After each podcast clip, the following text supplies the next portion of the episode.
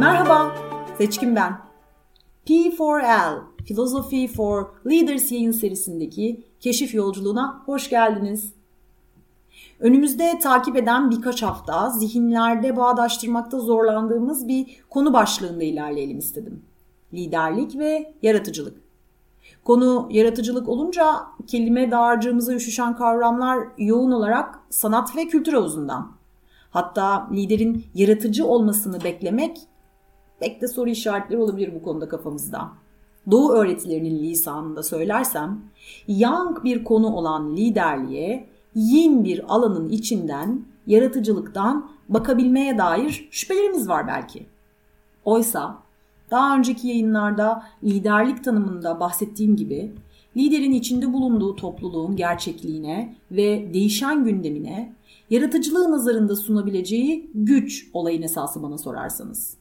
Güç ve yaratıcılık bu nedenle liderlik olgusunun iki taşıyıcı sütunu. Güç üzerine geçtiğimiz yayında biraz düşünmüş ve çokça soru sormuştuk. Dinleyenler bilir.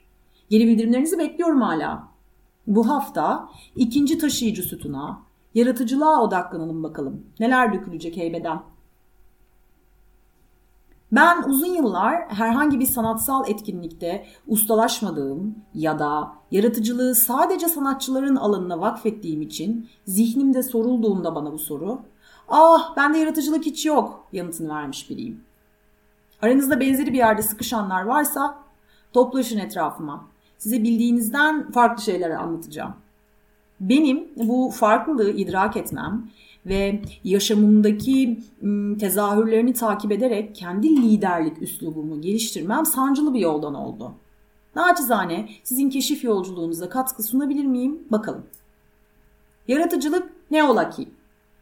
Yaratıcılık deneyimdir sevgili dostlar.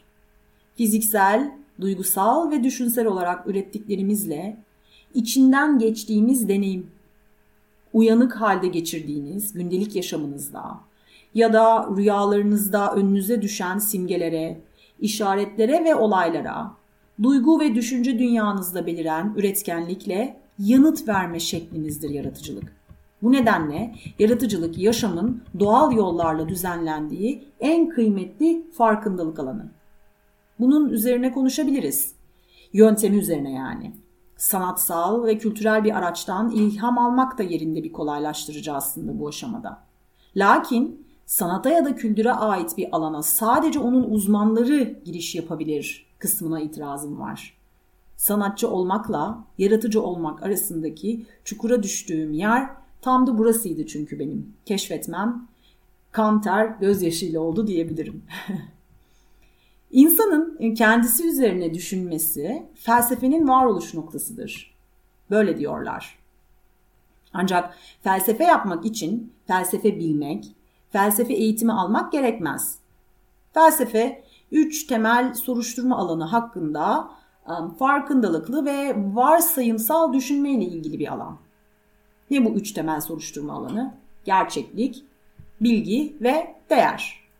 Yani var olan şeyler, var olan şeyler hakkında bildiklerimiz ve var olan şeylerin içinde nelerin önemli olduğu üzerine düşündüğümüzün farkında olmak felsefe yapmaktır. P4L yayınlarında yaptığımız gibi. Ancak bu ne beni ne de sizi filozof yapmaz.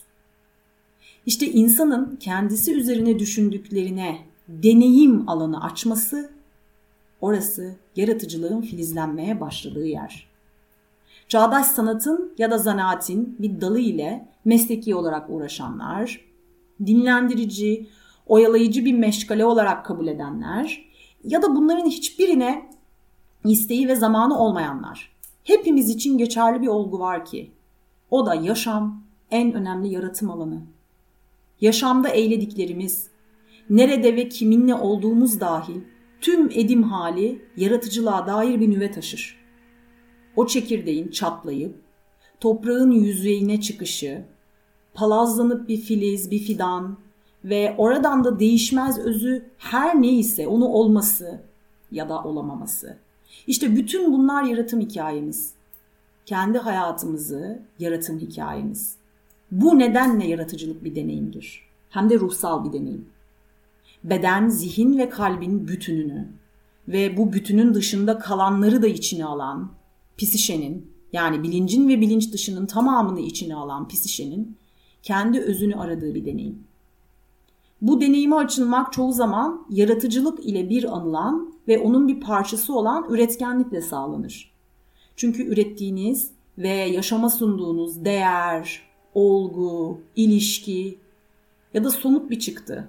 Her neyse onun doğduğu, serpildiği, çatıştığı, geliştiği, olgunlaştığı ve sonlandığı bir döngü, bir süreçtir yaratıcılık.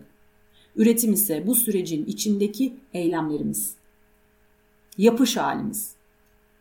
Tıpkı yaşam döngüsü gibi her sabah yaratıcılık süreciyle işbirliği yaparak ya da yapmayarak uyanırız. Ve her uykuya dalışta günün sonunda bir üretim hikayemiz vardır. Hoş ya da nahoş. Bu döngü bana umut veriyor aslında. Zira her günün yaratıcılık sorumluluğu bendeyken nahoş bazı deneyimlerin yeniden üretilmesi, geri dönüşüm gibi düşünüyorum bunu ben. Bir sonraki sabaha başka bir yolculuğun kapısını aralıyor. Rahmetli Tevfik dedemin anneme övdü gibi. Sabahın sahibi var kızım derdi. O sabahın hangi esinlere gebe olduğu ise büyük gizem. Konu liderlik olunca yaratıcılık ekseninden oraya bakabilmek biraz farklılaşıyor belki. Ya da daha yalın ifadeyle bildiğimiz ve sandığımız anlamda liderlik tanımının içinde yaratıcılık ne alaka diyor kimi yargılar. Çok alaka. Bilirsiniz. Hmm, bir yerlerde okumuş da olabilirsiniz. Sigmund, Sigmund Freud'a bir söyleşi esnasında e, akıl sağlığı yerinde bir insanı tanımlayabilir misiniz diye soruyorlar. Ve o da diyor ki sevebilen ve üretebilen insandır. Nasıl? Benim formülüm şöyle bir yere dayanıyor. İnsan desteklendiği oranda hem severek hem de üreterek ruh sağlığına kavuşabilir. Bir bizim için yani biz insan türü için bütüncül sağlığımız desteklenme mekanizmasına bağlı büyük oranda. Bunun altyapısı şu meşhur önermeye dayanıyor. İnsan sosyal bir varlıktır ve güvenlik en temel ihtiyacıdır. İşin kusursuz örneği önce çekirdek ailemizde, sonra akranlarımızın ve öğretmenlerimizin varlığıyla okulda, bizim için sevgi dolu iyilik besleyen topluluklar tarafından beslenmek ve yüreklendirilmekten geçiyor tabii ki. Bir kap gibi tutulmak diyebiliriz buna. Ancak girişimlerimizin ve çabalarımızın takdir edilmek yerine baltalandığı bir yolculuktan geliyor olanlarımızın sayısı da azımsanmayacak oranda. Biliyorum olabilir. Hal böyleyken ruh sağlığımızı yeniden kazanmaya yönelik o sevebilen ve üretebilen insan olma olgusunu tesis edebilmek desteklenmediğimiz topluluklarda gerçekten zor. Liderlik işte tam olarak böyle bir noktada devre giriyor zaten. Yaratıcı liderlik yani. Liderin kendiliğinin idrakında olabilmesi yaratıcı liderliktir. Bir liderin kendi yaşam yolculuğundaki anlam arayışı yaratıcı liderliktir. Liderlik ettiği kitlelerin anlam arayışına ilham olması yaratıcı liderliktir. Dünya, kişinin içinde var olduğu ve tasarımına katıldığı ilişkiler yapısıdır diyor Rollo May. Ve ekliyor. Her birimiz fiziksel, biyolojik çevreyle, paylaşılan dünyayla ve kendimizle eş zamanlı geliştireceğimiz ilişkisellik üzerinden varoluşumuzu şekillendiriyoruz. Oy çok kocaman bir cümle. o zaman biraz bu cümlede duralım. Ve benim de yaratıcı liderlik üzerine çalışırken danışanlarımla kullandığım araçların da sırtını yasladığı, varoluşçuların dünya hali olarak tanımladıkları üçlemeye bakalım istiyorum. Varoluşçular diye çok genel bir tanımlamaya hapsettiğim e, filozoflar ve e, onların modern zaman takipçisi, analistler, terapistler dünyanın es zamanlı üç yüzü olduğunu kabul ederler. Genel olarak çevre dediğimiz etrafımızı sarmalayan biyolojik dünyaya Umwelt, diğeriyle paylaştığımız sosyal ve duygusal dünyaya Mitwelt ve kendimizle bağlantı kurduğumuz yolculuğa da Eigenwelt adını verirler. Dünyanın halleri denilen ve bu üç veçhemizle iç içe geçmiş, e, birbirini tetikleyen, koşullandıran alanlardan bahsediliyor. Yani üç ayrı dünyada yaşamıyoruz. Üçünü de aynı anda yaşıyoruz. Sadece birisini ya da ikisini vurgulamak ve diğerini dışarıda bırakmak dünyada var olma gerçekliğimizi ortadan kaldırıyor. Bugün liderlik ve yaratıcılık ekseninde Umwelt üzerine biraz konuşalım ve diğer ikisini de ilerleyen yayınlara bırakalım diyorum. Umwelt, tüm canlıların bir ve bütün olduğu, ekolojik üstünlüğün bir türe, özellikle de insana atfedilmediği, biyolojik ihtiyaçları, dürtüleri ve içgüdüleri içerisinde barındıran bir dünya. Varoluşçular bu dünya için içine fırlatıldığımız yer, Trovnas tanımlamasını yapıyor aynı zamanda. İçine fırlatıldığımız anda kendimizi yersiz, yurtsuz, kaybolmuş ve kaygı içinde bulunduğumuz, e, anne rahminden çıktığımız o ilk andaki saf ve işlenmemiş tek başınalık hissiyatıyla baş etmeye çalıştığımız dünya burası. İçinde bulunduğumuz ortama göre fiziksel ihtiyaçlarımızın ne kadar farkında olup olmadığımıza bakabildiğimiz yer. Bakabiliyor musunuz? Kendi fiziksel ihtiyaçlarınızı okuyabiliyor musunuz? Diğerlerininkini ya da bunu önemsiyor musunuz? Yani fiziksel ihtiyacı okumayı. Dünya sistemi Immanuel Wallerstein'ın tanımladığında ki dönemden çok daha zorlu bir parkula girdi. Homo sapiens ekosistemin tepesini işgal ettiğinden bu yana işler çok da iyi gitmiyor bana sorarsanız. Um, gelecekçiler, şu fütüristler e, dijital devrimi kutsaya dursun. Benim okuduğum, e, gözlemlediğim, dinlediğim hal pek de o kadar havalı ve heyecan verici değil. En basitinden şu an bu yayını dinleyenler arasında çalışan kesimden birçok insan var. Özel ya da kamu sektöründen. Girişimci olanlar var. Ticaret yapanlar var. Hepimiz adına iş dünyası denen bir gemide kasırganın ortasında kalmış gibiyiz dostlar. Ya bir de o iş hayatına girmek için eşikte bekleyen öğrenciler var bu yayını takip eden. Büyük bir ekosistem bu iş dünyası sizin anlayacağınız. Ve büyük oranda onlarca katlı yüksek yapıların adına plaza dedikleri o yüksek yapıların içinde ya da organize sanayilere tıkıştırılmış fabrikaların arasında gündelik yaşantımızın neredeyse yarısını ya da yarısından fazlasını geçiriyoruz. Fiziksel ekosistemimiz buralar. Ha, son dönemde e, özellikle pandemi sonrası ofisler kısmen evlere de taşındı. Ancak bu ev iklimini, ev ekosistemini de dinamitledi büyük oranda. Çünkü esnek mesai adı altında fiziksel ve duygusal sürdürülebilirliği tartışmalı bir çalışma düzeni yuvamızı işgal etti. Kısacası çok çalışıyorduk, daha çok çalışıyoruz, daha fazla çalışıyoruz. Aksini düşünen biri gelsin. Ve bu kadar çılgınca, bu kadar hızlı akan bir iş gündeminde durabiliyor muyuz?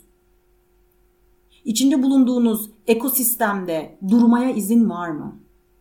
İşte Umwelt bunları sorgulatmak için var. Ben Umwelt üzerine liderlik araçlarıyla çalışırken doğal döngülerinden ilham almayı seçiyorum. Daha besleyici bir kaynak bulamadım çünkü. Az önce değindiğim o tırnak içerisinde iş dünyası denilen olgu Saruman'ın kuleleri gibi tepemize dikilirken döngüsellikle olan bağımızı kaybettik. Güneşin doğuşunun ve batışının, mevsimlerin ve mevsim geçişlerinin, ay fazlarının fiziksel dünyada yarattığı itme çekme hallerinin, kadın bedeninin bir ay boyunca içinden geçtiği döngünün idrakına varmayı bıraktık. Kulak kesilmeyi bıraktık aslında. Erkeklerin bedenleriyle bağlantısının ise çok daha hazin bir yerde olduğunu görüyorum. Ekosistemin içindeki diğerlerini, kendimizi gözlemlemiyoruz, bakmıyoruz. Rüzgarın sesini dinlemeyi, güneşin, toprağın, denizlerin, nehirlerin ve su kaynaklarının mevcudiyetini kutsamayı unuttuk. Salt ekolojik duyarlılıkla çözümlenebilecek bir eşiği geçtik hatta. Doğanın sahibi değil, parçası olduğumuzu içselleştirebileceğimiz daha derin bir iz düşüme ihtiyacımız var. İşte Umwelt bize bunun için simgeleri, döngüleri ve içgüdülerimizi takip etmeyi gösteren bir alan. Size romantik ya da popüler bir konudan bahsetmiyorum. Son derece ilkel bir ihtiyaçtan bahsediyorum. Maslow'un ihtiyaçlar hiyerarşisindeki ilk basamaktan sesleniyorum. Yaratıcı liderlik ekseninde Umwelt'e bakabilmek bu bağlamda daha zor. Zira liderlik kitaplarında hedef ve sonuç odaklılık kasının gelişmesine adanan çok büyük bir alan yazım var. Yeni nesil çevik liderlik çalışmalarında çok havalı kavramlar uçuşuyor. Agile böyle söylerken wow. Ama iş nasılına gelince tek bir gerçekliği ıskalıyoruz. Durmak. Umwelt üzerine liderlik kasını güçlendirmekten konuşacaksak sevgili dostlar, durmaya ne kadar alanınız var buna bakarak başlayalım. Tarihçi Eric Hobsbawm 20. yüzyıla aşırılıklar çağı adını vermişti. Yaşasaydı 21. yüzyıla ne isim verirdi bilemiyorum. Ancak bu yüzyılın selefinden fazlalıkları alarak devam ettiğini gözlemliyorum. Dört konuda daha fazla frekansında titreşiyoruz. Daha fazla bilgi, daha fazla şey, daha fazla seçenek ve daha fazla hız. Daha fazla döngüsünde patinaj çekiyoruz oysa. Hal böyleyken durmaya ve liderin kendiliğine bakabilmeye ihtiyacı alarm veriyor. Dünyanın bu haliyle Umwelt ile bağınızın zayıfladığını hissediyorsanız çok basit bir uygulamayla başlayabilirsiniz. Gününüzü karşılayın ve sonra da uğurlayın. Bu bir pratik işi. Umwelt'in kapıları kapalıysa kendinize hemen bir doğa tatili hediye etmek ya da bahçeli bir eve taşınmak zorunda değilsiniz. Tüm beyaz yakalıların istifa edip Ege'de şirin bir sahil kasabasına yerleşip ekolojik tarımla ilgilenmesi fenomeninden başka bir şeyden bahsediyorum. Zira bu fenomenin kendisine ulaşmaya çalışmak da bir fenomene döndü artık. Daha fazla hallenmelerinin başka bir sürümü adeta. Basit olandan başlayın. Doğada işler basit, sade ve yavaş. Sizin umveltinizde işler nasıl gidiyor? Ne kadar basit mesela? Ne kadar sade, ne kadar yavaş? Mevsimleriniz nasıl? Mevsimlere giriş çıkışlarınız nasıl? Örneğin ben bu yıl sonbahar mevsimine biraz zor giriş yaptım. Yüreğimde bir açıklıkla kucaklayamadım. Her ders sabahı öncesi günümü karşılarken o sevdiğim işi yapma ile ilgili heyecanı yakalayamadım bedenimde. Miladi takvim aktı ama benim bedenim o hızda akmadı. Akmak zorunda değil. Nedenini ya da nasılını bilmiyorum, bakmıyorum da zaten. Sadece ne olduğunu idrak etmek için kendime alan açıyorum. İdrak farkındalıktan doğar kendi umveltimde yakaladığım bu mevsime girişteki zorlanmalı halimi fark edebilmem tek başına yeterince kıymetli. Hemen çözüm üretmeye çalışmak değil burada bahsettiğim. Hemen bir çıkarım ya da yorum yapmaya eğilimliyiz zaten. Nedeni ya da nasılı hızlıca alıyoruz liderlik bilgi setinin içine. Değil dostlar değil.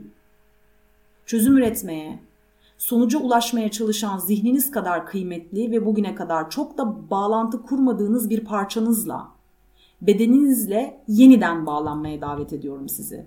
Umwelt'in içindeki farkındalık oradan geçiyor çünkü. Bir de üstelik sadece dört mevsim mi var miladi takvimde yazıyor diye? Bence hayır. ee, sevgili arkadaşım mühendis anne Çiğdem Sezer yazmıştı sanırım bir yerlerde. Ben de okumuştum. Japonya'da bir halk takviminde yer alıyormuş. 72 mevsim adı.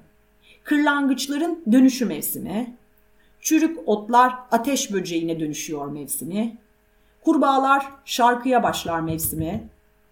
Böyle yani. Örneğin bu podcast'in yayınlanacağı hafta kuzey rüzgarları ağaçların yapraklarını doker mevsiminden geçiyormuşuz.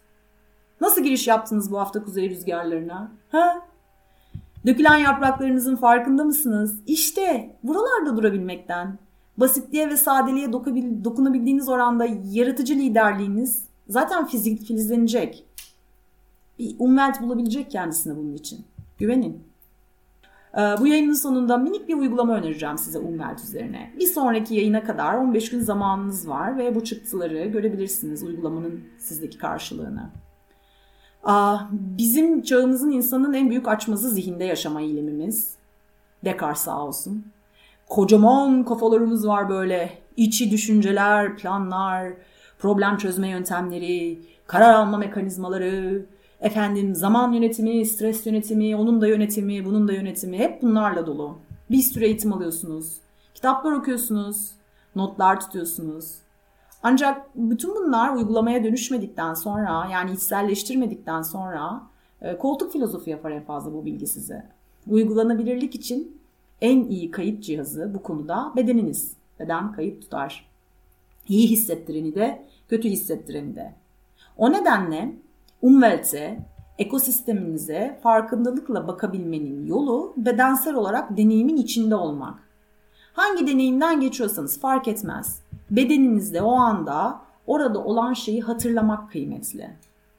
Ee, size önereceğim bu uygulama için bir fotoğraf makinesine ihtiyacınız var. Genellikle eliniz cep telefonunuza gidecek tahminim. Ee, bu da olur. Ee, bir kağıt ve kalem belki bulundurmak isteyebilirsiniz yanınızda. Cep telefonunuzun not alma bölümünü kullanmak istiyorsanız o da olur.